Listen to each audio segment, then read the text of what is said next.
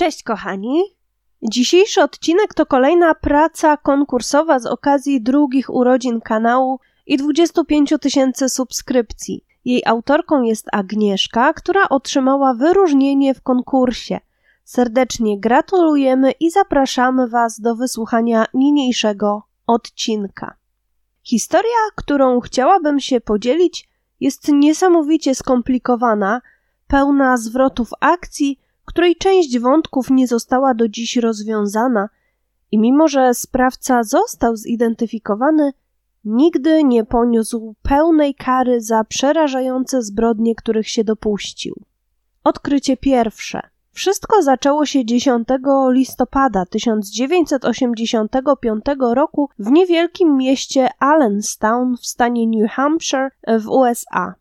Na terenie parku Bear Brook przylegającego do miasteczka dwóch myśliwych podczas polowania natknęło się na starą przemysłową beczkę. Uwagę jednego z nich zwróciła wystająca stopa.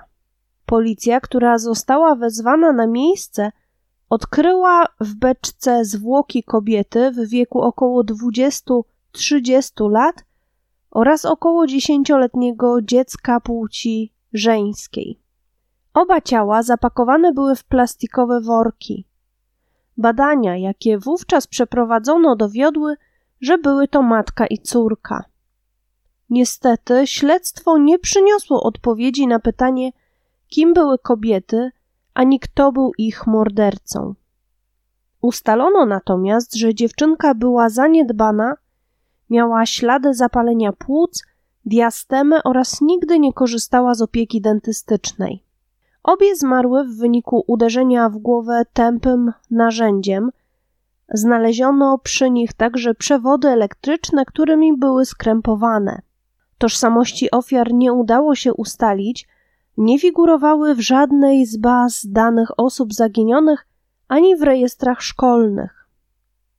Sprawa utknęła w martwym punkcie. Śledczy sporządzili jednak rekonstrukcję twarzy – a ciała zostały pochowane w stalowej trumnie umożliwiającej późniejszą ekshumację. Na ich nagrobku wyryto napis. Tu spoczywają znane tylko Bogu szczątki kobiety w wieku 23-33 lat i dziewczynki w wieku około 8-10 lat. Ich martwe ciała znaleziono 10 listopada 1985 roku w Bearbrook State Park. Niech ich dusze odnajdą pokój pod miłującą opieką Boga. Odkrycie drugie. 9 maja 2000 roku, czyli 15 lat później, nowy policjant przydzielony do sprawy przeszukując ponownie miejsce znalezienia ciał, niecałe 100 metrów od pierwszego znaleziska odkrywa kolejną beczkę i kolejne zwłoki. Tym razem dwóch dziewczynek w wieku około trzech i czterech lat. Odkrycie spowodowało ekshumację wcześniejszych ofiar i przeprowadzenie badań DNA. Wyniki zaskoczyły śledczych, ponieważ okazało się, że kobieta była matką nie tylko dziesięcioletniej dziewczynki, ale także tej młodszej, którą znaleziono w galonie numer dwa.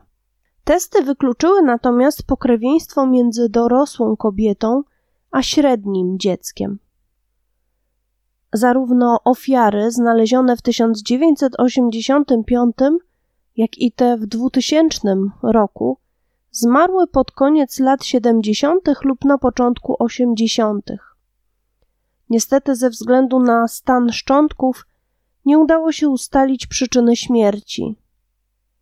Przeprowadzone testy izotopowe dowiodły, że kobieta i dzieci mieszkały razem w północno-wschodnich Stanach Zjednoczonych od dwóch tygodni do trzech miesięcy przed śmiercią. Prawdopodobnie żyły zatem od jakiegoś czasu w okolicy, w której zostały zamordowane. Nikt jednak ich nie rozpoznał. Ofiary zostały pochowane w bezimiennym grobie, którym opiekowali się wstrząśnięci straszliwą zbrodnią mieszkańcy Allenstown. Wcześniej jednak policja odświeżyła ich portrety. Światło w tunelu. Miejsce, w którym znaleziono szczątki, było prywatną posesją, na której dawniej znajdował się mały sklepik, za którym w przyczepie mieszkał mężczyzna o nazwisku Gallagher. Początkowo był on niechętny do rozmowy, ale kiedy stało się jasne, że jest pierwszym podejrzanym, podjął współpracę z policją. W 2014 roku przekazał organom ścigania informację, że według jego wiedzy beczki na terenie parku Berbrook porzucił niejaki Bob Evans, elektryk, który zajmował się drobnymi naprawami w jego sklepie. Często wywoził tam także odpady pochodzące z pobliskiego młyna. Policja wszczęła poszukiwania wspomnianego mężczyzny. Sprawdzono trzech elektryków o tym samym imieniu i nazwisku, jednak żaden z nich nigdy nie pracował w Allenstown. Postanowiono więc dokładniej przesłuchać Eda Gallaghera, a także pracowników Wombick Mills, gdzie według świadka podejrzany był zatrudniony na stanowisku głównego elektryka. Opisano Evansa jako człowieka skrytego, powściągliwego, który niechętnie opowiadał o swojej przeszłości. Wiadomo jedynie, że mieszkał w Manchesterze i jeździł niebieskim kamperem. Właściciel posesji poznał także ciężarną żonę Boba o imieniu Elizabeth. Jedna z osób, która pracowała z Evansem, opowiadała, że według jej opinii musiał pochodzić z cieplejszego klimatu, ponieważ przez okrągły rok nosił zimową kurtkę. Inny znajomy zwrócił uwagę, że Evans na terenie zakładu pracy miał pokój, do którego nie wolno było nikomu wchodzić. Mimo wytężonych działań śledczych nie odnaleziono mężczyzny ani wspomnianej kobiety, Elizabeth. Wydawało się, że sprawa znów utknie w martwym punkcie. Denise. W 2016 roku w Manchesterze, niedaleko Allenstown, ojciec Denise Baudin złożył zawiadomienie na policji o zaginięciu córki. Denise pracowała jako opiekunka w domu pomocy społecznej. Kobieta ostatni raz była widziana podczas święta dziękczynienia w 1981 roku. W trakcie rodzinnego obiadu towarzyszył jej mężczyzna nazywający się Robert Bob Evans oraz jej córka z poprzedniego związku, niespełna sześciomiesięczna Dawn. Para mieszkała w Manchesterze przy Howard Street 925. Kilka dni później, gdy krewni pojechali odwiedzić Denise, nie zastali nikogo, a mieszkanie wyglądało na opuszczone. Nikt nie zgłosił jej zaginięcia, ponieważ rodzina uważała, że ze względu na problemy finansowe wyjechała wraz z chłopakiem do Kalifornii, aby rozpocząć nowe życie. Pan Armand Baudin miał jednak szczególny powód, aby dokonać zgłoszenia akurat wtedy, w 2016 roku. Otóż kilka dni wcześniej skontaktowali się z nim śledczy z Kalifornii, informując go o odnalezieniu jego wnuczki Dawn. Dawn. Dawn Baudin urodziła się w 1981 roku ze związku Denise Baudin i jej ówczesnego męża.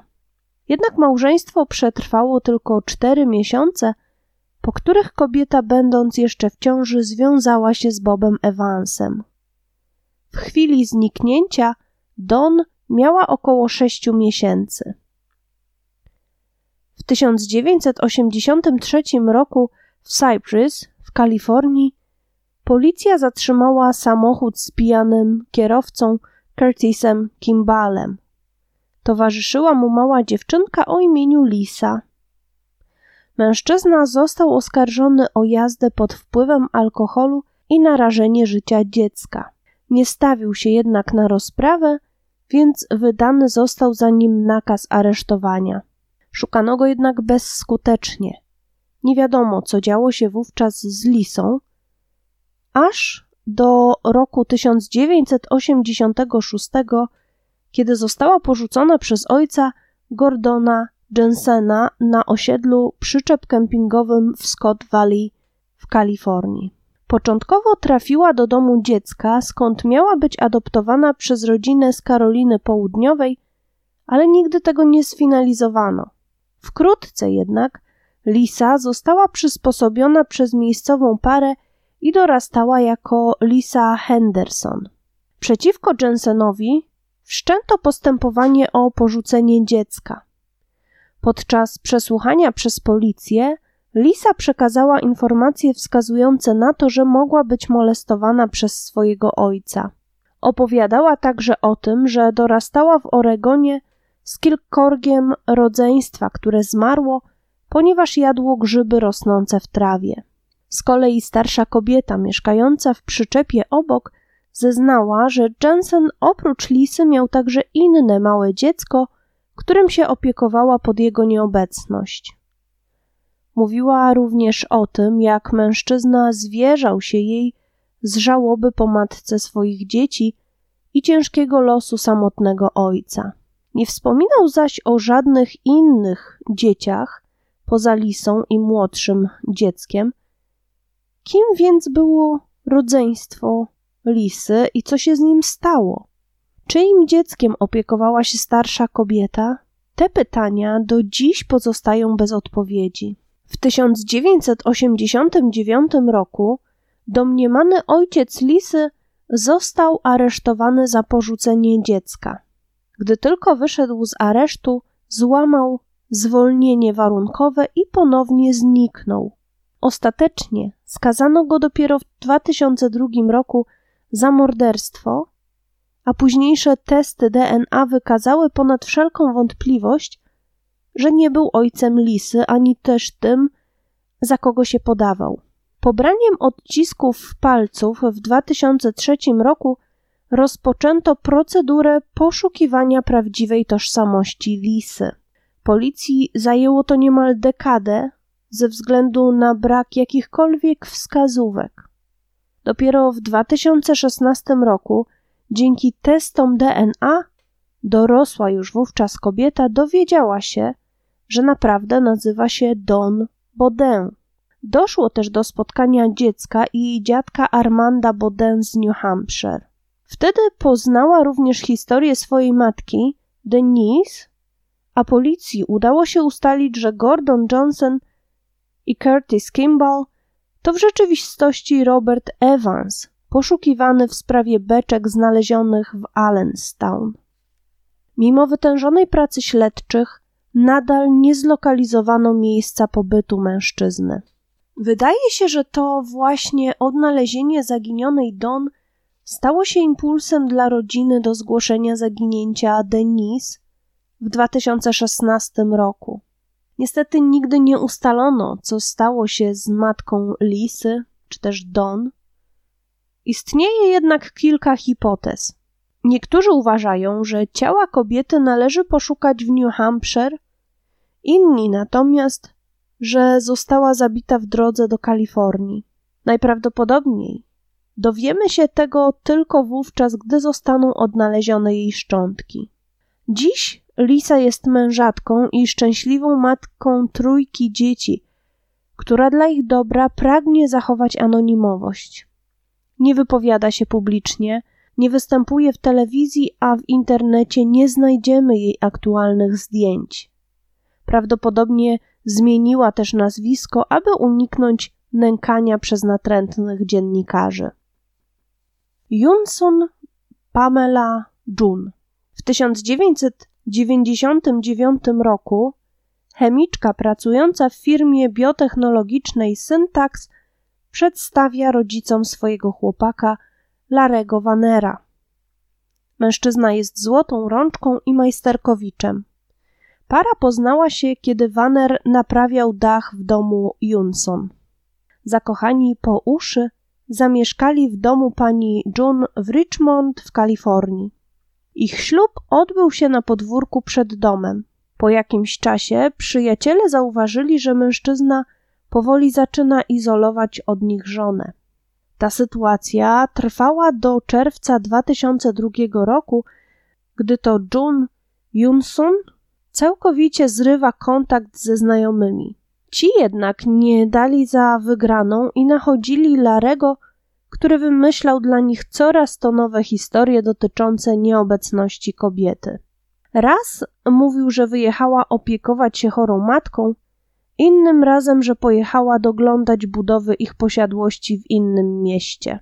W końcu ktoś zawiadomił policję, śledczy przeszukali dom Junsun i w konsekwencji pod stosem kociej ściółki udekorowanej przewodami elektrycznymi odnaleźli rozczłonkowane ciało Jun. Ustalono, że zginęła od uderzenia tępym narzędziem w głowę.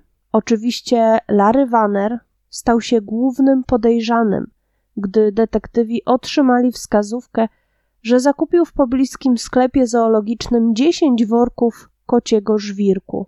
Mężczyzna został aresztowany i oskarżony o morderstwo. Przyznał się, a sąd skazał go na 15 lat więzienia. Ustalenie pochodzenia Lisy pozwoliło policji zweryfikować, kim był człowiek podający się w Kalifornii za jej ojca. Ustalono, że zarówno zatrzymany za jazdę pod wpływem Curtis Kimball, domniemany ojciec Lisy Gordon Jensen, zabójca Jumson Jun, Larry Vanner, jak i Bob Evans to ta sama osoba. Mężczyzna zmarł w 2010 roku w więzieniu High Desert Prison w Susanville w Kalifornii. Jednak, jak się okazało w późniejszym toku postępowania, żaden z używanych przez niego aliasów nie był tym prawdziwym. W rzeczywistości nazywał się Terry Peder Rasmussen, ale zweryfikowano to już po jego śmierci która nie tylko nie przybliżyła śledczych do rozwiązania sprawy beczek, ale postawiła przed nimi kolejne pytania. Życiorys. Życiorys Terego Pedra Rasmusena jest niezwykle bogaty, ale jednocześnie pełen tajemnic i białych plam. Przyszedł na świat 23 grudnia 1943 roku w Denver w stanie Colorado jako syn Pedera Rasmussena i Anity. Miał brata o imieniu Dany oraz siostrę Jacqueline. Jego przodkowie pochodzili z Danii lub Norwegii. Był uczniem szkoły średniej w Phoenix w Arizonie, którą porzucił w wieku 17 lat. Wstąpił do marynarki wojennej, gdzie został przeszkolony na elektryka. Jako żołnierz stacjonował w Japonii na Okinawie. W 1968 roku, mieszkając na Hawajach, poślubił kobietę o imieniu Felta. Jeszcze tego samego roku młoda para przeniosła się do Phoenix w Arizonie. Owocem ich związku było czworo dzieci, trzy córki oraz syn. Wiadomo, że dwie pierwsze córki są bliźniaczkami, i obecnie nazywają się Diana Klopfer oraz Andrea Stiers. Syn zaś ma na imię Erik. Małżeństwo nie było jednak zbyt udane. Terry znęcał się psychicznie i fizycznie nad żoną oraz dziećmi. Ta jednak także była daleka od ideału. Zamykała przed dziećmi lodówkę na kłódkę, porzucała je odmawiała opieki nad nimi. Para rozwiodła się w 1975 roku. Jedna z córek wspomina w wywiadzie, że ilekroć zapytała matkę o ojca, ta odpowiadała, że był miłością jej życia, choć wielokrotnie wraz z dziećmi przeprowadzała się, aby od niego uciec. Była żona opuściła Phoenix i zamieszkała w Peyton w Arizonie. Po rozwodzie Rasmussen zniknął, aby kilka miesięcy później, w grudniu, pojawić się w nowym domu swojej byłej żony w towarzystwie nieznanej kobiety. Powiedział wówczas swojej rodzinie, że mieszka w apartamentach Casa del Rey w Englewood w Teksasie. Było to jego ostatnie spotkanie z dziećmi. Nigdy więcej żadne z nich nie spotkało już swojego ojca. Nie udało się również ustalić tożsamości kobiety, która mu wówczas towarzyszyła. Śledczy podejrzewali w tamtym okresie, że mogła być to matka środkowego dziecka z beczki. Kolejna obserwacja kameleona miała miejsce w lipcu 1978 roku. Pracował on wówczas krótko w firmie Brown Root Company w Houston w Teksasie. Niedługo potem skontaktował się telefonicznie z przyjacielem, prosząc go o pożyczkę. Twierdził, że pracuje w Teksasie na platformie wiertniczej. Ślad po mężczyźnie pojawia się znowu około roku 1979. Wówczas już jako Robert Bob Evans pracuje na stanowisku głównego elektryka w Wombick Mills w Manchesterze w stanie New Hampshire. Tam też zostaje kilkukrotnie aresztowany. W lutym 1980 roku za wystawienie fałszywego czeku z dnia 21 grudnia 1979, a trzy miesiące później za kradzież prądu oraz w grudniu 80 roku za przekierowanie prądu. Okazuje się także, że w tym czasie list polecony skierowany do Roberta podpisuje niejaka Elizabeth Evans, która deklaruje się jako jego żona. Spekuluje się również, że Bob Evans oraz Elizabeth Evans podczas pobytu w Manchesterze mieszkali na osiedlu przyczep kempingowym Bearbrook Gardens, sąsiadującym z miejscem odnalezienia beczek z ciałami. Nie jest to informacja potwierdzona przez organy ścigania, podobnie jak to, kim była tajemnicza Elizabeth i czy była to ta sama kobieta, która została przedstawiona właścicielowi parceli, na której znaleziono szczątki. A może była to osoba, z którą odwiedził rodzinę w 1975 roku. W listopadzie 1981 roku Bob Evans pojawia się już jako partner Denise Baudin. Oboje wraz z niespełna sześciomiesięczną córką Denise, Dawn, znikają z Manchesteru tuż po święcie dziękczynienia. Tu następuje trzyletnia przerwa w życiorysie Boba. Nie wiadomo, gdzie w tym czasie przebywa, ani co dzieje się z Denise oraz dzieckiem. Spekuluje się natomiast, że mieszkali w Teksasie, gdzie Denise zmieniła nazwisko na Laporte. O Denise Laporte, matce jego dzieci, opowiadał późniejszemu świadkowi na osiedlu przyczep w Scotts Valley w Kalifornii. Mówił, że kobieta zmarła właśnie w Teksasie. Raz twierdził, że przyczyną jej śmierci był wypadek samochodowy, innym razem, że była ofiarą napadu. Na podstawie zeznań Lisy można jednak podejrzewać, że okres ten spędzili w Oregonie. W okresie od marca 1984 do maja 1985 Rasmussen zatrudniony był pod nazwiskiem Curtis Kimball jako elektryk w Los Alamitos w Kalifornii. W tym czasie został aresztowany w Cyprus za jazdę pod wpływem alkoholu. Podczas zatrzymania przedstawił się jako Curtis Mayo Kimball. Towarzyszyła mu Lisa.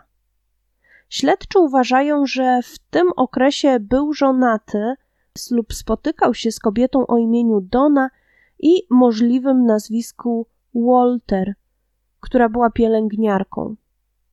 Niestety nigdy nie udało się dotrzeć do tej kobiety.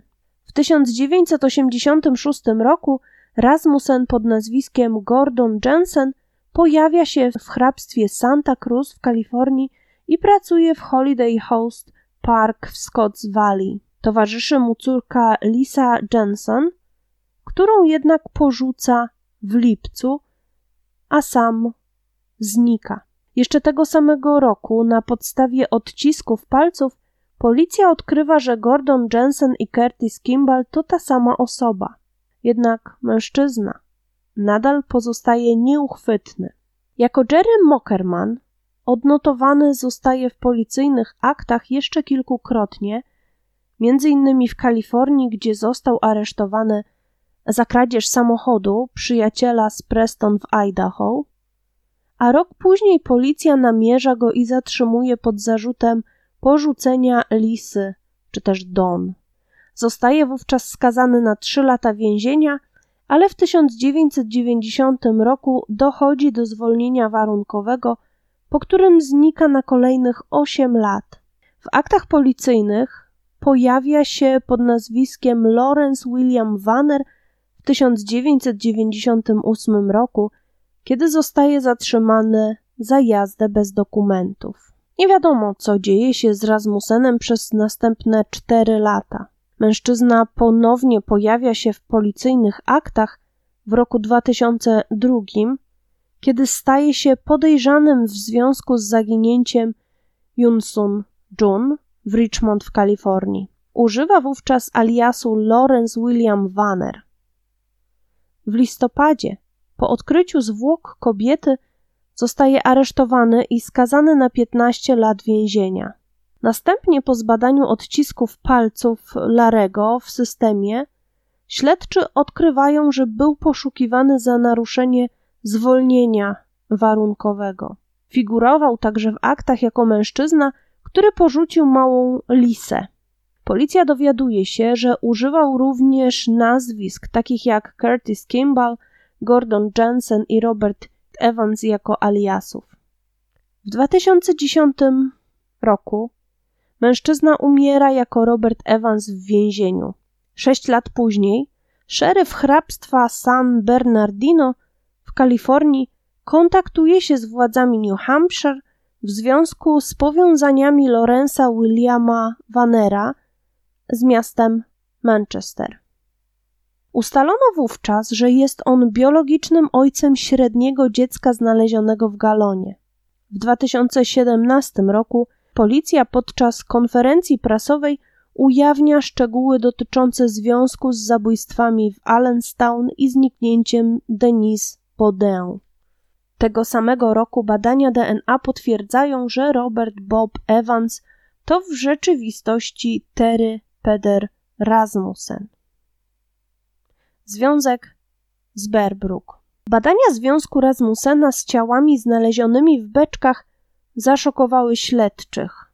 O ile wcześniej odkryto pokrewieństwo kobiety i dwóch dziewczynek, najstarszej i najmłodszej, o tyle średnie dziecko okazało się być biologicznym potomkiem samego Rasmussena. Jednocześnie wykluczono, że matką tejże dziewczynki była kobieta w beczce. Rasmussen nie był także ojcem dwójki pozostałych dzieci. Kim więc była matka dziewczynki i co się z nią stało? Czy była kolejną ofiarą kameleona? Kim z kolei była kobieta i jej dwie córeczki odkryte w Allenstown? Mimo wskazania sprawcy tych potwornych zbrodni, pytań mnożyło się coraz więcej, a odpowiedzi nie nadchodziły. Skłoniło to policję do kolejnej aktualizacji portretów piątki z Bearbrook. Tożsamość ofiar z Bearbrook.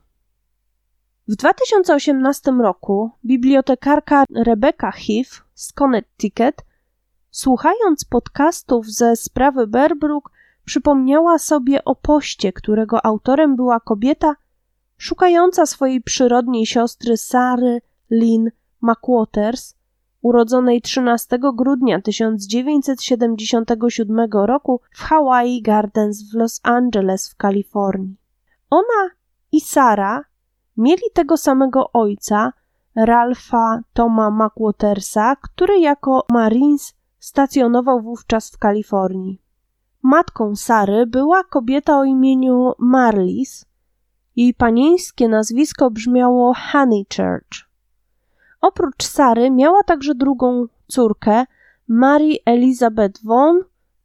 Autorka publikacji wierzyła, że Merlis zginęła w wypadku samochodowym, a obie dziewczynki znajdują się pod opieką dziadków w nieustalonym miejscu. Dodała także, że Marlis była żoną mężczyzny o nazwisku Rasmussen. Po rozmowie z rodziną Marlis okazało się, że zarówno jej los, jak i córek Marii i Sary jest nieznane. Ostatnio widziano je w święto dziękczynienia w 1978 roku, kiedy Marlis pokłóciła się z rodziną. Według krewnych, chłopak, który jej wówczas towarzyszył, miał na imię Terry. Okazało się więc, że chłopakiem Marlis był właśnie Terry Rasmussen. Po przeprowadzeniu testów DNA na ciałach z Berbrook potwierdzono w 2019 roku, że osobami znalezionymi w pierwszej beczce była Marlis Elizabeth Honeychurch oraz Mary Vaughan, a ciałem z drugiej beczki była Sarah McWaters. Stało się więc jasne, że Terry Rasmussen zabił swoją dziewczynę Marlis i jej córki. Marlis to prawdopodobnie także Elizabeth Evans, wymieniona jako żona Terego, ponieważ jej drugie imię brzmiało właśnie Elizabeth. Po prostu posługiwała się fałszywymi danymi. Jest prawdopodobne, że wszystkie trzy zostały zabite w 1980 roku. Kobietą widzianą w Sterym w latach 1975-76 w domu jego rodziców nie była więc Marlis Honeychurch, ponieważ ta w tym czasie rozwiodła się, ponownie wyszła za mąż i mieszkała w Kalifornii, podczas gdy Terry był w Teksasie. Nieznajoma mogła być po prostu dziewczyną, z którą zerwał lub kolejną ofiarą, a nawet matką średniej dziewczynki z beczki numer dwa, której imienia nadal nie udało się poznać śledczym. Anita Moon. Ustalenie tożsamości średniej dziewczynki jest dzisiaj sprawą priorytetową dla policji stanu New Hampshire. Jej zdjęcia możemy odnaleźć we wszystkich bazach danych osób poszukiwanych i niezidentyfikowanych. Dzieci Rasmusena odwiedziły jej grób w New Hampshire, nadając jej przydomek po babci Anita Moon. Według policji dziecko miało od dwóch do czterech lat, było rasy kaukaskiej z niewielką domieszką rdzennych Amerykanów, Afroamerykanów oraz Azjatów. Urodziło się w latach 1975-77 było zaniedbane podobnie jak i pozostałe dziewczynki w beczkach. W trakcie autopsji ustalono, że dziewczynka miała anemię oraz krzywy zgryz. Testy izotopowe zaprowadziły detektywów w rejony Black Mesa w stanie Arizona. Według sierżanta Matthew Colera Rasmussen był powiązany w latach 70. i 80. z rezerwatem Prawdopodobnie pracował w jednej z kopalń należących do koncernu Peabody, znajdujących się na tym terenie i tam też należałoby szukać przodków Anity. Z kolei córka Terego jest przekonana, że dziecko jest rasy, rasy azjatyckiej. W jednym z wywiadów zdradza, że widziała dziewczynkę. Wspomina, że miała dwa kucyki i była bardzo nieśmiała. Według jej opowieści do spotkania doszło podczas wakacyjnego wyjazdu właśnie w rejony Bearbrook, w którym udział brały dzieci Terego oraz jego brat Dany. W tym okresie podobno ojciec pokazywał jej mapę Azji Środkowo-Wschodniej. Jednak rodzeństwo kobiety zaprzecza, że taki wyjazd miał kiedykolwiek miejsce. W 2020 roku Śledczy dzięki wykorzystaniu genealogii sądowej odkryli powiązania matki dziecka z hrabstwem Pearl River w stanie Mississippi. Mogą być potomkami Thomasa Deadhorsa Michela, urodzonego w 1836 roku, lub Williama Livingsa, urodzonego w 1826 roku. Anita Moon byłaby piątym lub szóstym prawnukiem jednego z tych mężczyzn. Mimo tego, że potomkowie obu rodów są chętni do współpracy, to jednak nie wiedzą, kim była kobieta i jej dziecko. Spekulacje.